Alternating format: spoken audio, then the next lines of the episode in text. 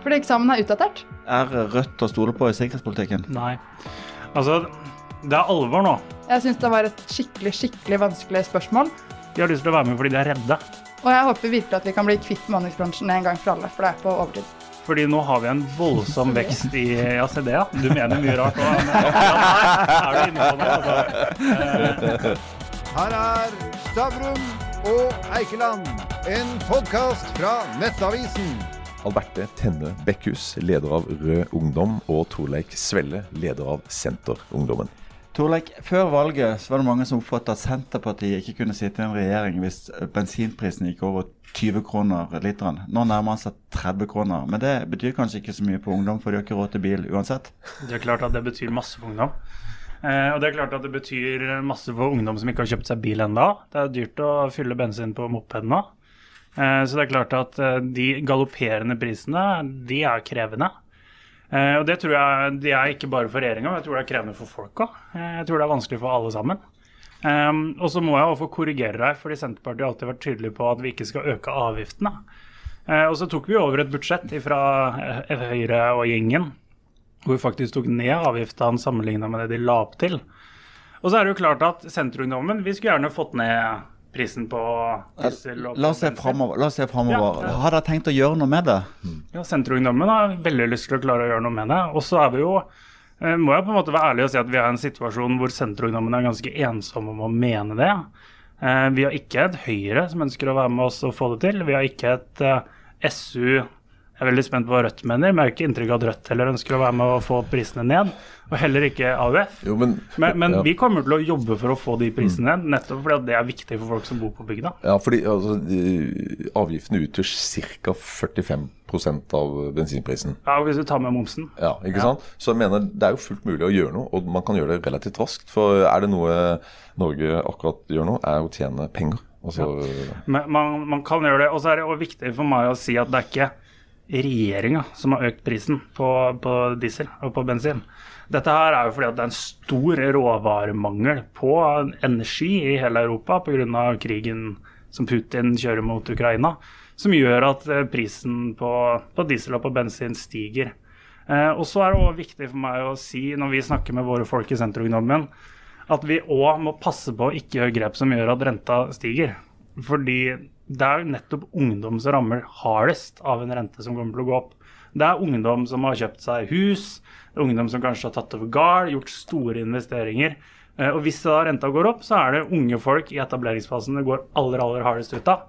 Eh, Og dere kommer ganske billig unna.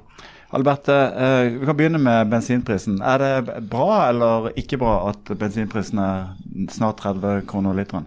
Jeg synes Det er ganske åpenbart at det ikke er positivt. Man ser jo, altså sånn, Det er ikke akkurat bare bare for lommeboka plutselig betale 30 kroner literen. Folk sliter, folk har i utgangspunktet en ganske dårlig økonomisk situasjon.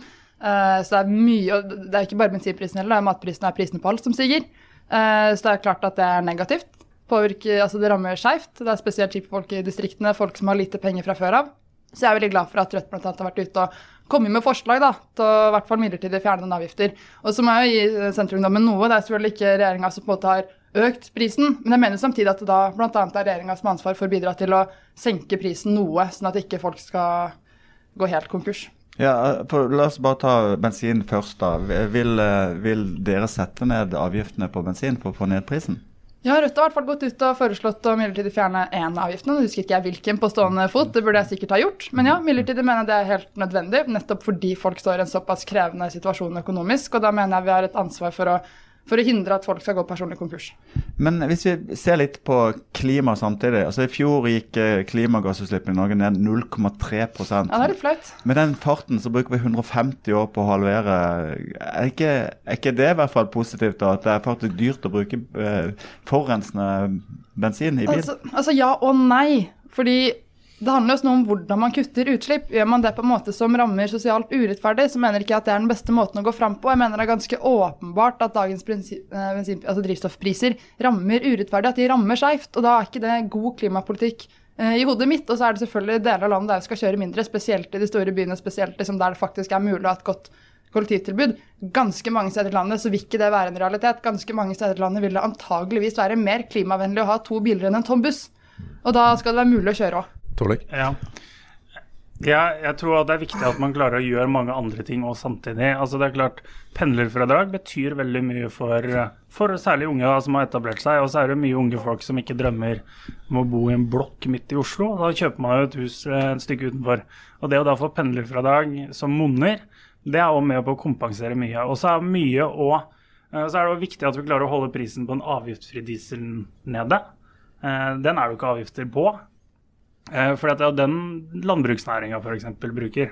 Eh, Og sånn som i jordbruksoppgjøret i år, så ligger det jo inne en ganske romslig mengde med kompensasjon som gjør at vi får produsert mat òg neste år, selv om prisen ikke bare på diesel, men på gjødsel og på mye annet også øker. Men, men det sliter jo på meningsmålingene, altså Senterpartiet. Det har jo gått bare én vei siden eh, rett før valget, holdt jeg på å si.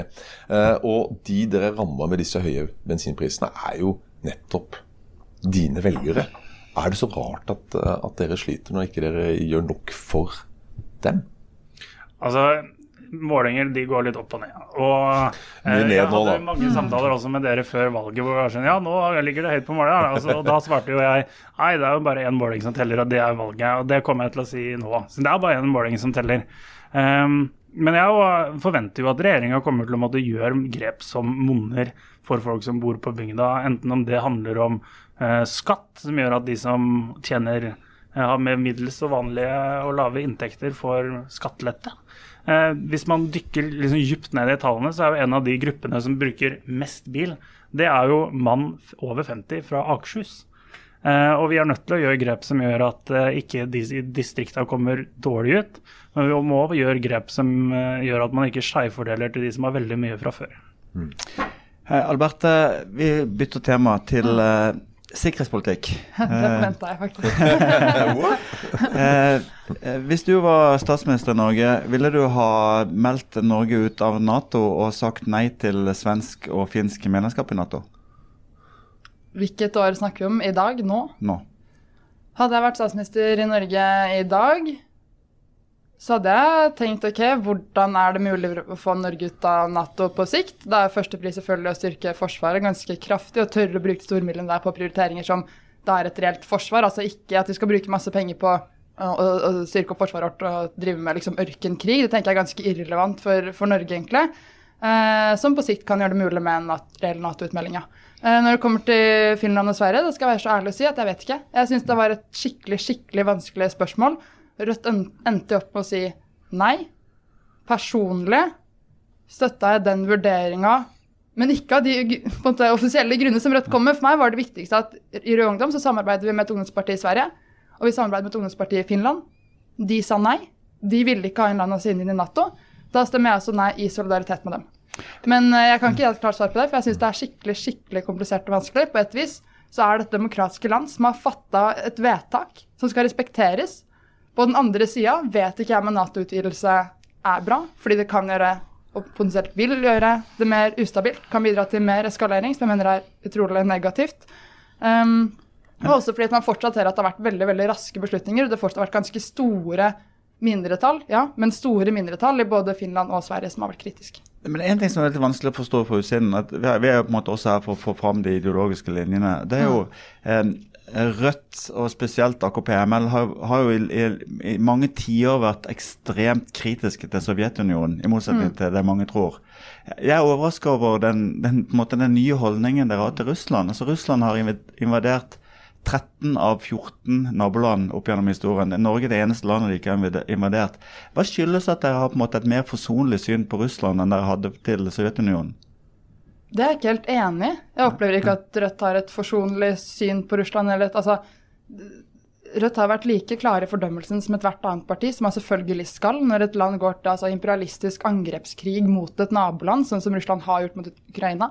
Fullstendig uakseptabelt. Jeg er veldig glad for at vi har sett et samla verdenssamfunn stå opp mot, mot den invasjonen, og at man har åpna armene for ukrainske flyktninger, gitt kollektiv beskyttelse, bidratt med i alle fall B-materiell. Nå har vært, Rødt vært mer kritisk til A-materiell, men allikevel at man har stått der og vært klar i støtta til Ukraina. Jeg, opp, jeg, jeg er ikke enig i historiefortellinga, Men, rett og slett. men hva er alternativet ditt Til- Nato? Ideelt sett en nordisk forsvarsallianse, som nå ser ganske fremmed ut, selvfølgelig. Jeg er veldig, veldig klar over det. det, er det hvis vi nå snakker først litt ideologisk, da. så er det nordisk forsvarsallianse som er det mest ideelle, som jeg ser det, som kan være nøytral, basert på væpna nøytralitet, der man bygger opp et forsvar og så langt det er mulig ikke tar stilling i større konflikter. Og så er det noen steder der man selvfølgelig er nødt til å gjøre det. Men jeg mener det er en veldig skummel situasjon vi har i verden i dag, hvor man har flere supermakter med svære militære, med masse makt, hvor så vidt jeg vet alle har førstebruksdoktrine på atomvåpen. Det syns jeg er veldig skummel utvikling. Og da mener jeg at man trenger flere nøytrale stater. Igjen, ikke i møte med invasjoner, men mer eh, generelt for å bidra til en fredeligere verden. Torleik, er Rødt å stole på i sikkerhetspolitikken? Nei. Altså, det er alvor nå. Det er egentlig litt mitt budskap, at det er alvor nå. Nå har vi et russisk land som har gått til krig i Europa. Eh, og vi ser at på en måte, det presset de legger på Ukraina, er helt enormt. Vi ser at veldig mange sikkerhets, eh, gamle sikkerhetskonstruksjoner er i spill. Altså Russland og Kina begynner å handle. Vi har et Hviterussland som nå er helt i lomma på Vladimir Putin. Eh, og da er vi egentlig litt sånn forbi de her eh, fantasifulle ideologiske konferansene om hvordan ting kan være en gang i en drøm. Fordi dette her skjer nå. Eh, og Finland og Sverige de har jo ikke lyst til å bli med i Nato fordi de heier på en eller annen imperialistisk USA-makt. De har lyst til å være med fordi de er redde. Genuint fordi de er redde for hva som kan skje. Eh, og den, nesten, den absolutt eneste garantien vi har mot at noe sånt skjer her, er fordi vi har et medlemskap i Nato som gir oss tilgang til en helt totalt overlegen militærmakt. Som gjør at kostnaden ved en invasjon av et Nato-land er så stor at det mest sannsynlig aldri kommer til å skje. Og Det er derfor vi bruker penger på forsvar, og det er derfor vi er med i Nato. Eh, og, det, og den makten er så stor at det å begynne å snakke om en liksom nordisk forsvarssamarbeid blir bare en sånn fantasipolitikk. Fordi det blir bare en sånn dråpe i havet i forhold til den makta vi står overfor. da. Men Alberte har jo rett i at her har det skjedd ekstreme endringer av sikkerhetspolitikken på veldig kort tid, og ikke etter solide utredninger. Og det er vel relativt rasjonelt å være bekymra for uh, først uh, bruk av atomvåpen, f.eks. Ja, selvfølgelig er man bekymra for første bruk av atomvåpen. Eh, men jeg skjønner òg at folk eh, både i Sverige og Finland, men òg folk i Norge, folk som bor i Porsanger, folk som bor øst i Finnmark, er òg bekymra. For nå begynner det å bli litt varmt, litt nært. Eh, og jeg har veldig veldig stor forståelse for at folk er bekymra for det. Og så tror jeg at med et nordisk forsvarssamarbeid, som jo Rødt egentlig har ønska seg hele veien, det får de faktisk nå. Men de sier nei. Det syns jeg er veldig rart. Fordi nå kan vi faktisk få et samarbeid med, med Sverige og Finland og Norge som vil bli et helt nytt Nato nord. Vi kan bygge et forsvar på en helt ny måte som vil være mye, mye mer treffsikkert. Både med tanke på overvåkning eh, og mobilisering av styrker enn det vi har hatt. Eh, og det tror jeg er bra. Og så Hvis jeg kan skyte inn en ting om det her europeiske forsvarssamarbeidet. Så det var sånn der et nytt ord som bare er rør, som Venstre har funnet på sammen med presidenten i Frankrike. Eh, jeg tok også sjekka tallene litt. Eh, etter Storbritannia gikk ut av EU, så er det jo faktisk sånn at 85% av Natos forsvarsmakt de kommer fra land utenfor EU. Og så skal man her tro at man skal lage et lite sånn der First Price-forsvar sammen i Europa. Det er bare tull. Det var jo altså. klart flertall i Danmark for det. da. Og, Ja, men det er jo rør for de. jo, men det er jo mange som mener det. Men Alberte, vi må videre. Eh, Rødt ønsker å forby eh, bemanningsbransjen. Ja. Eh, og samtidig så har vi jo nå arbeidsgivere som har en skrikende mangel på arbeidskraft. Eh, er ikke det et veldig galt tima eh, forslag? Ikke i det hele tatt. Det mener jeg, jeg er veldig veldig glad faktisk for å se regjeringa. Eh, det er ikke så ofte jeg skryter av det, men allikevel komme med liksom, tiltak for å innskrenke tilgangen til, eh, til innleie når vi første gang i liksom, Oslo-regionen så skal det utvides. Det mener jeg er helt riktig å gjøre. Bemanningsbransjen fungerer i dag, så det er som et angrep på den norske modellen. Det bidrar til et mer useriøst arbeidsliv. Det gjør det vanskeligere å komme godt inn. Jeg har selv jobba i Adecco, det var ikke sjukt gøy, for å si det sånn. Men tvert imot, nå har vi stort behov for eh, arbeidskraft. Mange som altså, trenger jobb. Nå har vi muligheten til å bygge et langt mer seriøst arbeidsliv enn det vi har sett. De siste tiåra har det vært nedbygging på nedbygging av det norske seriøse arbeidslivet. Nå har vi tvert imot muligheten til å bygge altså, Hva er det dere kaller det? Vårrengjøring? Jeg tror det kan bli ordentlig ordentlig bra med vårrengjøring i arbeidslivet, og det trengs. Men, men er ikke de, altså de som jobber i bemanningsbyråene, de, det er jo fast ansatte og sånt noe, så dette gir jo bare næringslivet og kommunen og den slags altså fleksibilitet. Eh, for vi trenger jo det. Man trenger litt sånn eh, litt flere arbeidere kanskje der på, på våren og kanskje noe mer der på, på vinteren osv. Ja. Er ikke det bare bra? Og de er jo er fast ansatt. Jeg syns det er kjempebra med kommunale bemanningspool eksempel, til barnehager. Kjempefint. Det handler om hvordan skal vi gjøre det. Skal det være altså, sånn, eh, jeg mener at altså, sånn, Arbeidsformidling bør være en oppgave som også tilhører staten. At ikke det skal være eh, privatkommersielt sånn som det er i dag med bemanningsbransjen. Eh, eh, nei, jeg, ikke, jeg, ikke, jeg syns ikke det er bra. men- men det er gir Den fleksibiliteten kan man Ja. finne på andre måter som ikke bidrar til at folk blir stående med telefonen i Ja. hånda og lurer på om de har jobb. Det kan vi gjøre på en måte som ikke Jo, men hvis de er for fast ansatt hos bemanningsbyråene, så får de jo øh, Hvorfor kan de ikke være fast ansatt direkte i kommunen eller direkte i barnehagene? Vi trenger jo sesongarbeidere, så kan de jobbe litt der og litt altså, vi, Folk trenger jo litt sånn ulik arbeidskraft på ulik tid. Selvfølgelig, men jeg mener bemanningsbyråene løser ikke det på en god måte. Tvert imot så har de enten bidratt til at ungdom står med altså sånn, Kanskje man er fast ansatt og har betalt mellom, mellom oppdrag, men allikevel våkne opp med telefonen i hånda, veit ikke om de har jobb den dagen. Det gikk et veldig godt grunnlag for å planlegge hverdagen, planlegge økonomien osv. Eventuelt har vi sett bemanningsbransjen åpne opp for veldig veldig kompliserte liksom, ansettelsesstrukturer, utnyttelse av østeuropeiske arbeidere, skviser ut norsk arbeidskraft. Det mener jeg er et enormt problem, og jeg håper virkelig at vi kan bli kvitt bemanningsbransjen en gang for alle, for det er på overtid. La oss gå videre på, på skvising av østeuropeiske eh, arbeidsinnvandrere og gå til en versting, nemlig landbruket. Jo, det er jo ingen som har mer midlertidig ansatte enn enn landbruket.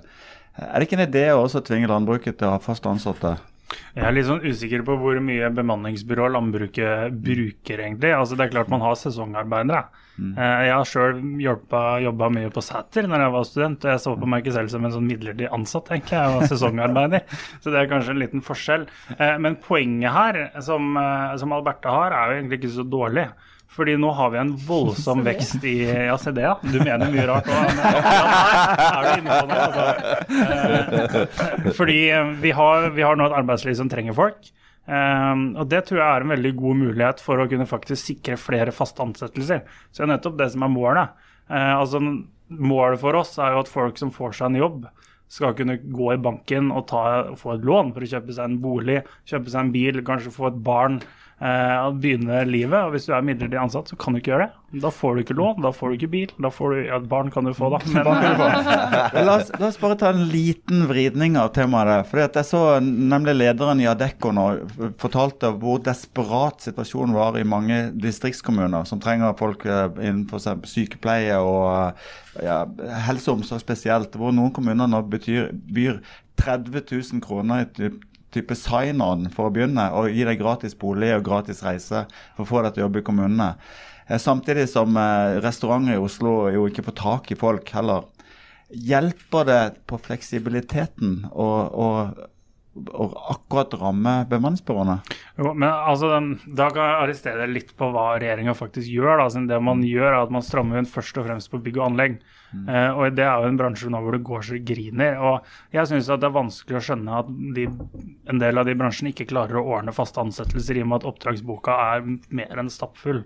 Eh, og så er det, en, det er det langt lerret å bleke å klare å få mer enn både sykepleiere og helsefagarbeidere rundt omkring på bygda. Jeg er jo sjøl fra Lillehammer. Det er jo mange bygder som er mer bygdete enn Lillehammer, men vi har samme utfordringa.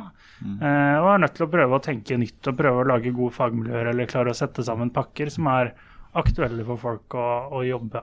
Kan jeg si noe superkort på det? Ja, fordi Jeg er veldig enig i, i mye av det Tollek sier her. Men også sånn, når dere snakker om fleksibilitet, så må jeg stille spørsmålet tilbake. Hvem er det man jobber for? Jobber man for at det skal være enklest mulig for arbeidsgiverne, eller at det skal være best mulig for arbeidstakerne? Og jeg tenker Målet må jo være at man har en, altså en heltidskultur med hele, faste stillinger, stabilitet for, for helt vanlige folk. Det, så fleksibilitet, det er mye i det, men jeg opplever at det ofte kan bli litt sånn herre eh, popord, liksom.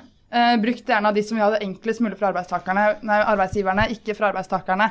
Uh, så ja, det er problemer rundt omkring i kommuner. Hvorfor skal folk være rase til Adecco? Hvorfor ikke heller et kommunalt uh, vikarpool, f.eks.? Nå skal ikke vi diskutere med deg, vi skal stille spørsmål. ja, eh, Skole, det er jo viktig for dere. Eh, dere vil avskaffe eksamen. Ja, Hvorfor det? fordi eksamen er utdatert.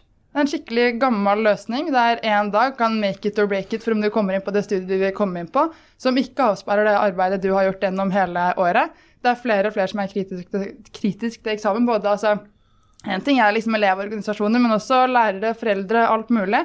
Det er en ordning vi har hatt kjempelenge, som vi i dag mener at ikke lenger er god nok da, hvis man, for, å, for å speile kompetansen elevene sitter på. Men da blir det jo mer sånn subjektiv mening til, eh, til en lærer bare ja, OK, den, jeg liker den type måten å gjøre en oppgave på. Altså det, det, har du en eksamen, så kan du jo sammenligne alle i hele landet. Altså det, altså det blir jo vanskelig å sammenligne her. Og hvis folk skal til utlandet, da.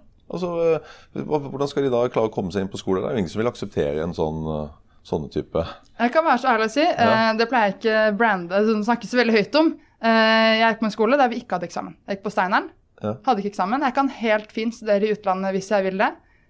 Stille på lik linje med alle andre elever, har fortsatt et godt vitnemål som viser den jobben jeg har gjort i løpet av flere år.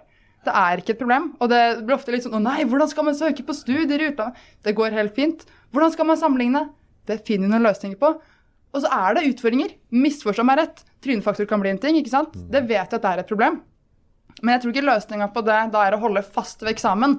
Da må vi heller se ok, men hvordan kan vi hindre det? Hvordan kan vi motvirke at trynefaktor spiller inn når elever får karakterer osv. Torleik, eh, eksamen eller eh, lærerens eh, subjektive vurdering? Ja, altså, For meg er ikke det at vi har gjort noe lenge et selvstendig argument for at det er dårlig. Eh, og eksamen har vi hatt ganske lenge, og det har fungert godt. Eh, og en av de tingene som jeg syns er rart med Rødt innimellom, er fordi Rødt er jo på en måte alltid på lag med de som har det vanskeligst. Men eksamen er jo rettferdig for alle, uansett. Uansett hvor mye penger foreldrene dine har i lommeboka, så har du med deg en banan og en penn. og så stiller du helt likt eksamen, ikke sant. Eh, men hvis du skal ha en f.eks. mappevurdering og har foreldre med, med mye ressurser, så er det klart at du vil få en betydelig støtte hjemmefra til å kunne gjøre en sånn mappevurdering godt. Eh, og jeg tror ikke det kommer til å slå rettferdig ut for de som kanskje ikke har den støtten hjemmefra. Så jeg syns det er gode grunner til å ha eksamen, og så er det ikke perfekt. Eh, Så man må helt sikkert se på måten man gjennomfører eksamen og se på måten man gjennomfører muntlig eksamen. og Her, her finnes det absolutt måter å gjøre det bedre på, men utgangspunktet mitt er ikke at det ikke funker. Men Alberte, vi skal være på skole fortsatt. Mm. Fraværsgrensen og det at du ikke du får eh, standpunktkarakter hvis du har mer enn hva er det 10-15 borte i et fag, eh, er det bra? Ja, mot fraværsgrensa vi. Verken Eh, eksamen eller fraværsgrense. Hvordan skal de kontrollere folk? fraværsgrense, lekser altså sånn, hva, Ikke hva er lekser heller. Helt riktig. fordi hvis jeg, Det er kanskje ikke det vi snakker om, jeg må si superkort på lekser. Hvis det er noe som bidrar til å opprettholde forskjeller i skolen, så er jo det akkurat lekser. fordi det er jo ikke alle som har muligheten til å få masse masse hjelp hjemmefra. Så det var min eh, korte rant om hvorfor vi er mot lekser. Forferdelig dårlig det. Avskaff dem, vær så snill. Men det var fraværsgrensa dere spurte om. Jeg fort, vi mener fortsatt det er en dårlig idé, fra den ble innført i, i 2016. Fordi dem som Altså sånn Fraværet har gått ned, og selvfølgelig har fraværet gått ned hvis alternativet er at du stryker et fag. Men folk har jo én møtt opp sjuke, legekontorene har blitt rent ned. Eh, og kanskje ikke minst, da så har jo tallene vært ganske klare på at de som slet mest før, de sliter nå enda, enda mer. Hvis du først sto i fare for å få ikke vurdert i ett fag, eller fikk, skulle få ikke vurdert ett fag, får du det nå i flere fag.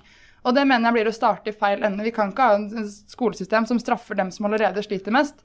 Tvert imot, da må vi heller begynne med gulroten, ikke fisken. Men trenger vi ikke Torleik, alle du, du, du er jo sjanseløs. Altså, Du skal konkurrere blant skoleelever mot en som vil avvikle lekser. Ikke Du trenger ikke være på skolen, og du trenger ikke ta eksamen. Hvordan skal du konkurrere med dette? Ja, det, det er jo en gang sånn at veldig mange elever har lyst til å gå på skolen og lyst til å få gode karakterer og lyst til å jobbe. Og jeg må bare få kommentere dette med lekser kjempekjapt, siden det høres sikkert eh, fint ut. det altså. Um, men nå skal jeg gjøre noe jeg ikke har gjort i media før, og det er å sitere Carl I. Hagen. For Jeg husker han gikk i en debatt en gang og ble spurt om dette med, med leksefri skole, og så sa han nei, vi kan jo ikke stryke en elev bare fordi han har øvd. og det er et godt poeng. altså Det må være lov å øve på skolen selv om det ikke er på skolen. Um, men en av de tingene som er viktig, og som regjeringa jobber mye med, som har vært viktig for Senterungdommen, det er at vi klarer å få en ny fullføringsreform. Eh, fordi man må absolutt gjøre ting med fraværsgrensa, men hovedproblemet her er at veldig, veldig mange dropper ut av skolen. Eh, enten fordi de ikke klarer å bestå, eller fordi at de av en eller annen grunn faller fra. Eh, og det koster helt sinnssykt mye penger for samfunnet, fordi det er veldig få jobber du kan få hvis du ikke har fullført videregående sånn som det er i dag. Eh, Men det er jo dårlig for folk å gå hjemme og gnage og ikke få, få noe å gjøre. Eh, Og her er det viktig for oss å få til en, en reform som lukker en del av de dørene som stenger folk ute. Mm. og det her kommer til å komme nå i løpet av kanskje høsten, kanskje neste vår, som er viktig for Senterungdommen. Som vil være en helt ny måte å tenke skolepolitikk på, som får mange flere elever igjennom. Ja. Og, og, og Funker ikke det å få tak i de unge, så kan jeg kanskje begynne med uh, sånn gratis heimkok eller et eller annet sånt på skolen. Så kan jeg ta opp kampen. Men ok, nei, men, men nå går vi over på Jeg jeg si noe superkort? Ja, superkort? Ja. Uh, fordi Det er enig med det Torleik sier, liksom. Og jeg tror, For meg er liksom fraværsgrensa i, når man snakker om skolepolitikk, har blitt litt sånn som olje når man snakker om klimapolitikk. Det er det man snakker om, på bekostning av alt det andre som man heller må gjøre. Og jeg er helt enig at man skal snakke om skole. Fraværsgrensa, jeg mot den, syns det er noe herk. Men det er mye mer viktigere å prate om lovfesta rett til lærlingplass. Det jobber jo regjeringa sitt i Nydalsplattformen, som er kjempebra. Lærlinggaranti, eller hva nå enn de kaller det. Eh, Eller å få skolen mer praktisk. Flere valgfag. Lappen som valgfag, kanskje. Altså sånn, jeg tror det er mye bedre å se på alle de andre tiltakene vi faktisk kan komme framover, i stedet for å bare stå og liksom stange huet i veggen gang på gang i sånne nærmest symbolsaker, da, som selvfølgelig har mye å si, men allikevel blir symbolsaker i Ja, praksis. både lappen og moped som valgfag, der står vi sammen. Altså. Nydelig. Men, men bolig, det er også viktig for unge. Um, og dere har jo begge en uh, god uh, Eller i hvert fall en bo boligpolitikk. Uh, dere vil trygge situasjonen for førstegangskjøperne uh, med å få ned prisene. Uh, men det, hvem er det det går utover? Det er jo de som stakkars førstegangskjøperen som allerede har kjøpt. Da vil jo Ja. de få problemer. Altså, hva, hva er Al- logikken? Noe av et av de største problemene i boligmarkedet, i hvert fall hvis du beveger deg litt utafor der det går mye T-bane, eh, er jo at boligene synker i pris i det du får i nøkkelen. Eh, altså Det er veldig mange som ønsker å, å enten bygge seg en ny bolig, eller bygge en eh, bolig på en, en grunnmur som står en eller annen plass. Eh, hvis du da bygger en ny bolig på bygda, eh, og setter i nøkkelen på den, så går prisen ned fordi markedsverdien av boligen er lavere enn byggekostnaden. Eh, og det er vi nødt til å gjøre noe med.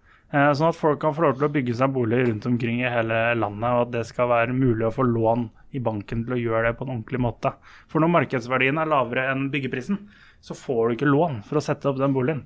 Og jeg tror det er masse folk som mye heller hadde hatt lyst til å bo et sted med en litt romslig hage og kanskje ei bikkje og litt plen og grill og sånn, istedenfor å bo i en sånn 40 kvadratmeter skoboks med familien sin.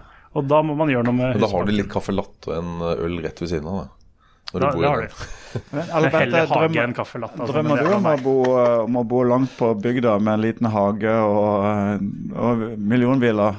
Altså, Som østfolding drømmer jeg i hvert fall ikke om å bo i Oslo. Så det, Der kanskje ikke svær hage, men en liten hage hadde vært veldig hyggelig. Men er det et problem at boligprisen synker? Er, er det ikke det dere ønsker, å ha lavere boligpriser? Altså, Vi vil gjerne ha lavere boligpriser, men det, altså, folk det er Hvem er det som skal ramse dem, da? Sånn, jeg tenker Det viktigste er at folk skal ha et sted å bo. Nummer én. Og at folk skal ha muligheten til å eie der de bor. Um, og så skal det være mulig å selge boligen din når du skal flytte videre uten at den er, altså det går ned masse masse i verdi. Så når vi jobber med å få til mer sosial boligpolitikk, så er ikke hovedfokuset for oss at nå skal vi få ned prisene på bygda, sånn at folk ikke får flytta. Altså, det er åpenbart ikke det man går inn for. Det handler jo det om å f.eks. ha høyere beskatning på sekundær- tertiærboliger osv., sånn at de som altså i stedet for å investere f.eks. næringsliv investerer i bolig, det mener jeg er et problem, for det driver opp prisene. Og de der, altså Bolighaiene i Oslo f.eks., det, er- det er jo der man må rette inn politikken. Forhindre dem med å tjene masse masse penger på at folk skal ha tak over hodet. Ikke folk som bare har lyst til å slappe av i hagen på bygda med null i hånda. Ja, men, men dere vil ha en boligsektor utenfor markedet der boliger selges til den prisen det koster å bygge dem. Helt riktig. Forklar. Nei, Det handler om en eh, tredje boligsektor, som vi pleier å kalle det. Der altså, boliger selges på en måte utafor det kommersielle markedet. Det gjør det lettere å få folk til å komme inn på boligmarkedet. Det vil få ned prisene på, altså, generelt på bolig. Det mener vi er helt avgjørende for at folk skal ha et sted Men hvordan skal det skje i praksis? F.eks. at Når det bygges boliger, da, så kan man stille krav om at så og så mange prosent skal være ikke-kommersielle. Det er ikke verre enn det. Jeg tror like dere, bare Tilbake til ideologien når vi nærmer oss på en måte en slutt. Det, Senterpartiet har jo alltid vært uh, veldig opptatt av privat eiendomsrett. Uh, Rødt har ikke vært så opptatt av privat eiendomsrett. Men her er dere jo enige begge to om at boligprisene skal reguleres av det offentlige. Altså, Jeg vil ikke nødvendigvis bruke ordet regulere. altså Det jeg tar til orde for, at vi skal bruke Husbanken for å justere markedene litt. Eh, Det er at- jo å regulere, i og for seg. da. Nei, men det, det handler jo rett og slett om å gi folk muligheten til å bygge bolig hvor de vil. Eh, og så er det sånn at det forslaget til Rødt om tredje boligsektor det kommer til å koste helt hinsides eh, mye penger. Eh, men så tror jeg at en faktisk viktig substans i denne debatten her, f.eks. hvis vi snakker om studentboliger, så er det veldig mye studentboliger som bygges, men de koster helt utrolig mye penger å leie. Eh, og da tror jeg at man må ha en reell diskusjon, og man må gå ned på standard. Eh, fordi Hvis man går ned på standard, så vil man òg kunne få ned prisen. Eh, og da vil studentene kunne ha mer å rutte med til slutt. Ok, nå går vi inn for, eh, for landing. Da er det ett spørsmål til hver. Eh, veldig likt spørsmål. Vi begynner med deg. Hva irriterer deg mest med rød ungdomspolitikk? Eh, altså, Rød Ungdom har mye gode forslag, men det er litt sånn vanskelig med finansiering. Jeg altså, en god kompis av meg som sa at det er veldig mye hyggelige folk og mye gode ideer, men de, budsjettet går ikke opp. Så det er ikke mulig å gjøre det. Og det irriterer meg litt mer òg, Alberta, du får siste ordet. Hva irriterer deg mest med Senterungdommens politikk? Ja, Det gjelder for både for Senterungdommen og AUF. da, ikke sant? Regjeringa leverer ikke, og så er det sånn Nei, men det går kjempebra. Man snakker ikke om det som ikke fungerer. Ja, vi håper at det kommer på plass ting. Og så er det sånn, ja. Eh, kanskje ikke alltid like godt å svare for det når moderpartiet ikke gjør det moderpartiet har lovt at de skal gjøre. eh, så det, det er vel også må jeg si det, da. Vi lager jo alternative statsbudsjetter, og de går opp. Mm. Syns vi. Med, med 55 milliarder ekstra i skatt, så skulle jeg fått mye til å gå fra. Du fikk Stavrum og Eikeland, en podkast fra Nettavisen.